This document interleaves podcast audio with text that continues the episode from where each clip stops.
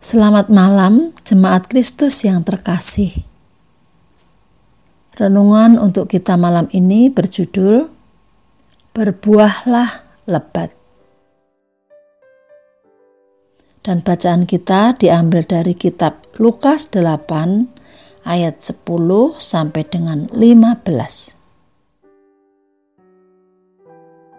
Beginilah firman Tuhan.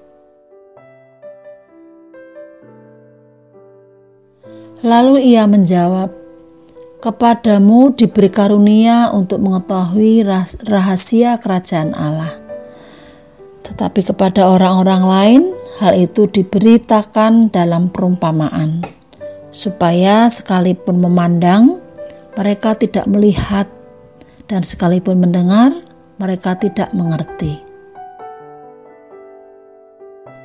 Inilah arti perumpamaan itu Benih itu ialah firman Allah.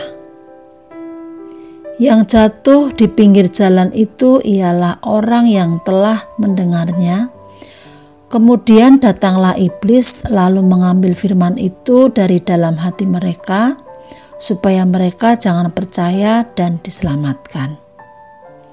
Yang jatuh di tanah yang berbatu-batu itu ialah orang yang setelah mendengar firman itu, menerimanya dengan gembira, tetapi mereka itu tidak berakar.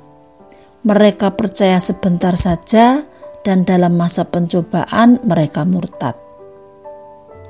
Yang jatuh dalam semak duri ialah orang yang telah mendengar firman itu, dan dalam pertumbuhan selanjutnya mereka terhimpit oleh kekhawatiran dan kekayaan dan kenikmatan hidup sehingga mereka tidak menghasilkan buah yang matang.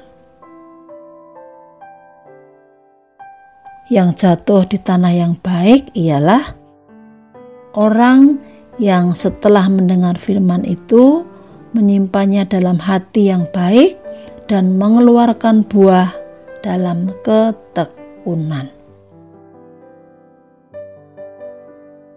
Kalau kita pernah punya pengalaman dalam menanam tanaman, kita tentu mengharapkan tanaman itu dapat tumbuh besar dan menghasilkan buah atau dapat dinikmati keindahannya. Tentu ada beberapa syarat yang harus dipenuhi agar tanaman yang kita miliki dapat tumbuh dan hidup dengan baik. Mulai dari media tanam yang baik, tidak ada hama, dan juga mendapatkan cukup nutrisi dari air maupun pupuk. Gambaran inilah yang dipakai Allah untuk menjelaskan tentang firman Allah yang diterima oleh manusia. Ada yang menerima namun diganggu oleh iblis sehingga tak mampu menjaga firman Allah yang telah ia terima.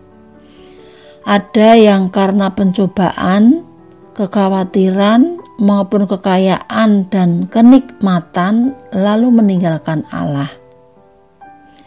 Tetapi juga ada yang menerima firman itu dan berakar dalam hatinya, sehingga memunculkan buah yang dapat dirasakan oleh Allah dan juga sesama. Nah, pertanyaannya, bagaimana agar kita termasuk dalam orang-orang yang menerima firman Tuhan dengan baik dan menghasilkan buah yang matang,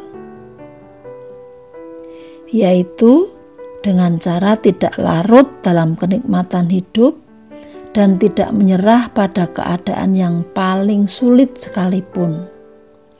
Dengan demikian, agar kita menjadi pribadi yang bertumbuh dan menghasilkan buahnya, tidak melalui proses yang instan, melainkan melalui proses yang berkesinambungan dan memerlukan upaya yang tidak main-main.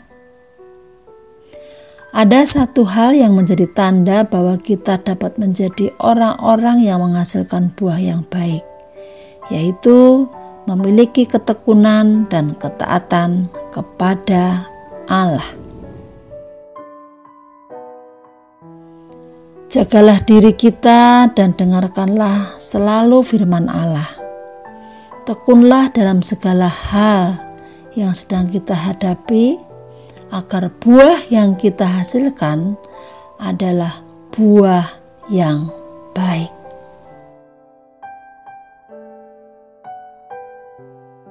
Demikianlah renungan malam ini. Semoga damai sejahtera dari Tuhan Yesus Kristus tetap memenuhi hati dan pikiran kita. Amin. Jemaat yang terkasih, mari kita bersatu hati menaikkan pokok-pokok doa yang ada dalam gerakan doa 21 GKI Sarua Indah. Mari berdoa.